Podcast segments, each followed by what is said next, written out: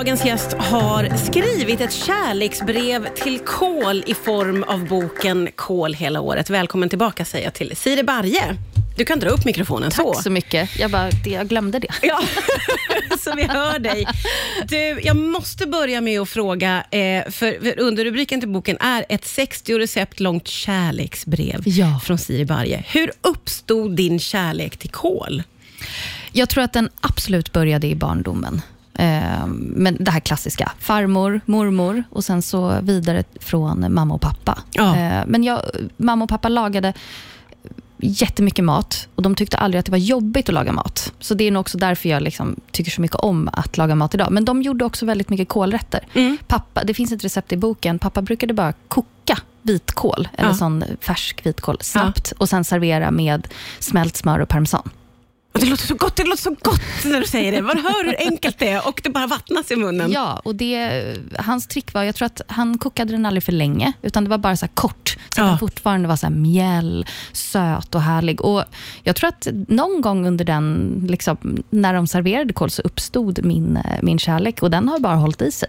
Du inleder ju också boken med ett väldigt fint matminne som gäller eh, din, eh, är det farmor eller mormor? Det är mormor, Mormor. som gjorde kåldolmar, eller Ja. Där du ja. så fint beskriver hur det liksom representerar trygghet. Ja, men det gör det ju också. Ja, ja. För det är ju alltså, så stor del av barndomen, för mig i alla fall, är förknippat med mat. Det beror ju på vad man tycker om såklart. Men, eh, och det är ju verkligen när man sitter ute på hennes och morfars veranda och som jag skriver i boken, det kunde vara sommar, alltså stekhett, men vi skulle ändå äta kåldolmar som Ja. var ändå kanske lite så här vintermat. Och så här brunsås och kokt potatis med skal som man skalade själv och knäckebrödmacka. Och det, var, det var klassiskt och väldigt eh, härligt och Mm. tryggt. Så mysigt. Och så skriver du också att när du skulle börja jobba med den här boken så tänkte du jag ska kolla hur mycket kol jag själv använder. Bara Ja. sådär. Och det visar sig att du är, galen i, du är verkligen galen i kol. Ja, men när vi började tänka på den här idén så tänkte jag så här, men va? Åh, Gud, är, är så? Gillar jag det så mycket? Och så gick jag på riktigt in på min Instagram Ja. och bara, okej, ja.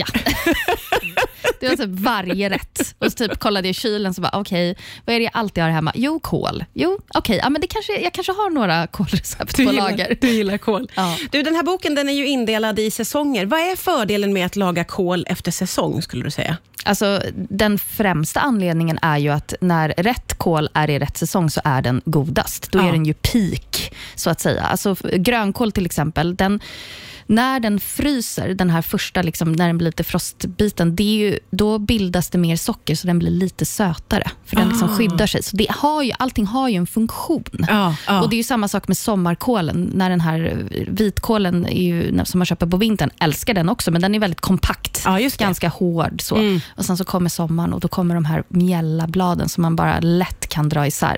Så främst för att det är gott, men sen också för eh, hållbarhetsmässiga saker, men också att det är billigare. ja, Handlar man mat sak. i säsong så är det också billigare, Mm. för då finns det ett överflöd av det just då. Så Sånt det som har blivit tänka väldigt viktigt för många av oss ju. Ja. Ja, idag gästas jag av Siri Barje som har skrivit boken Kol hela året. Vi har pratat om att boken är indelad efter säsonger och frukost, vill jag Ja. lägga till. Att sista kapitlet är frukost. Det var kanske lite otippat tyckte jag. Ja, men jag tänkte, det kan ju inte vara efterrätter, för där går gränsen. Ja, du satte ner foten Ja, men för jag dig kände, själv. jag kände liksom, nej men det går inte att, att twista på något snyggt sätt.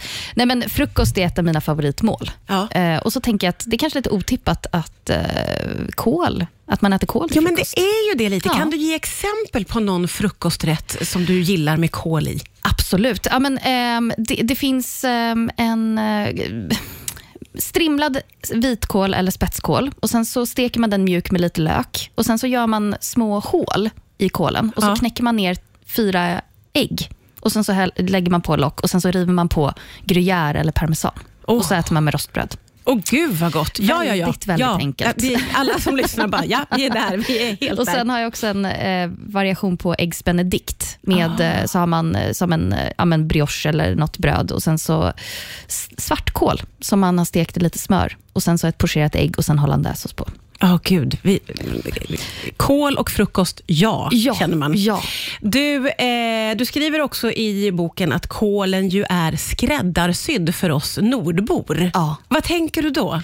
Nej, men v- fram, såklart vårt kalla klimat. Att det är en av få grönsaker som klarar hela året så pass bra och, inne, alltså, och vara så god och kan vara så varierad i, eh, alltså, i, gud, i olika variation, alltså, Ja. olika typer, vad heter det? Olika slag av kål. Ja, ja men precis. Det eh, finns ju väldigt många olika ja, typer av kål. Alltså, vi har brysselkål, grönkål, svartkål, vitkål, rödkål. Alltså, det är ju Mycket oändligt många. Ja. Och Det är ju väldigt, väldigt schysst för oss nordbor. Och om man vill tänka på att äta mer hållbart, till exempel. Ja, och vi pratade om det lite här innan du och jag, eller jag har liksom precis upptäckt att kål ju håller sig hur länge Nej, men som helst. Det är ju fantastiskt med kål. Man behöver liksom aldrig slänga Nej, den. men jag vet. Och så har den blivit lite, lite tråkig, ja, men då kan man ju bara skala av ett lager Ja. och så är den bra där under. Jag skalade faktiskt, jag åt vitkål häromdagen. Alltså det var en riktigt trött bit Ja. som låg i botten. Du vet när den ligger i botten ja, ja, på blir lite grönsakslådan. så huffig. Ja, men precis. Lite brun och lite så här, det kanske har möglat lite. Nu är Ja. jag helt ärlig. Jag skar bort allting, skalade av och sen där inne så bara skivar upp den och har den i sallad. Och så är den bara fräsch. Det är ju otroligt Ja. imponerande med kålen måste Ja, man säga. är, den, Ja. den, den är bra. Något som också är imponerande med din bok, måste jag säga, att det är sån otrolig variation. Jag får intryck av att man kan göra vad som helst med kål. Vi ska prata vidare om det strax. Idag pratar vi kål. Det är Siri Barje som är här, som är aktuell med boken Kål hela året. Och jag sa ju det innan, jag blev så himla imponerad när jag bläddrade i den här boken. För att det finns grytor, det finns gratänger, det finns nudlar, det finns festmat. Kål kan verkligen användas till nästan vad som helst, får jag intryck av. Ja, nej men det, jag håller med. nej, men jag försökte verkligen eh, visa på bredden eh, av kol i boken. Sen Ja. måste jag ju också tillägga att alltså, det känns verkligen som att när jag, när jag var klar med den här boken så kände jag jag har skrapat på ytan. Är det så? Ja, men alltså det finns så mycket. Och alla länder som har så otroliga kolrecept, det känns, jag, jag har inte ens hunnit nudda vid många. Nej. Och det är väldigt spännande faktiskt. Ja, vad roligt, det finns utrymme för en volym två Ja, och kanske tre. det. kanske. Alltså, du, det, finns, det finns fler. Alltså, Herregud, det finns... kolens resa runt jorden, Ja, men Siri, exakt. där har du att göra. Där har jag... Den kommer aldrig bli klar kan jag säga. Du är liksom på ständig resa. Ja, men det var också det som var så fint, att man upptäckte det. Jag har ju förstått, man vet ju att det är liksom standardmat i många länder, men att, det var så, att den är så viktig och älskad i typ över på riktigt hela jorden. Ja. Det, det tycker jag är, det är härligt. Ja, den, den, den är lite ödmjuk, som jag sa till dig innan också. Att den är, den är så världskänd, men så är den ändå så en liten doldis på något sätt. Ja. Vad har du för personliga favoriter i boken? Det Ehm, blir svårt förstås. Ja, det, det, absolut. Alla är som mina barn. Nej, men, eh, jag tycker om att bjuda. Om jag ska ha middag så brukar jag göra linsgryta med polenta och eh, kokt savoykål. Ja. Bara sån blancherad savoykorv, vända upp i lite smör och så är det en väldigt, väldigt enkel linsgryta med lite rött vin och sen bara krämig polenta till. Sen är faktiskt en av mina ett av mina absoluta favoritrecept är en kålrabbisallad. Med en krämig kålrabbisallad med ja, men majonnäs, eh, baserad och crème fraîche dressing med eh, massor med örter, persilja, dill, krasse, hasselnötter och sen så är det riven eh, f- eh, hård getost på. Gud, allting det på riktigt vattnas i munnen när du pratar. Det är ju så helt sjukt. Jag måste också säga att jag tycker väldigt mycket om eh, både det faktum att du liksom radar upp alla kolsorter som finns i början av boken, men också att du radar upp vad du alltid brukar ha hemma. För det tycker jag i form av liksom vinäger och oljor och sånt är väldigt hjälpsamt för oss andra som inte är matprofiler. Ja, men, och jag älskar själv att läsa vad andra som, alltså andra duktiga matpersoner, inte för att jag, men ja, andra duktiga matpersoner älskar att läsa vad de har. Man, jag blir alltid så inspirerad av det. Så, men gud, det är kanske smart att alltid ha hemma. Ja. Och så liksom kan man hitta sin egna lilla eh, portfölj med eh, Ja, men det skafferisaker. där är, det är toppen, för Ja. det är verkligen, det har man ju eh, förstått när man lagar mat, att man bör ha liksom en bashylla. Eh, för annars kan det verkligen falla på när man går efter ett recept, att säga, men den där, nej.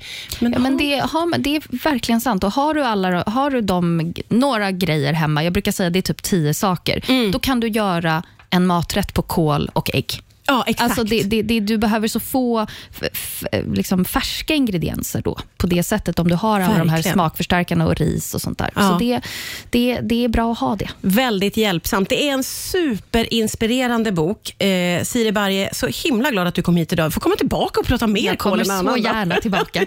Tack snälla. Tack.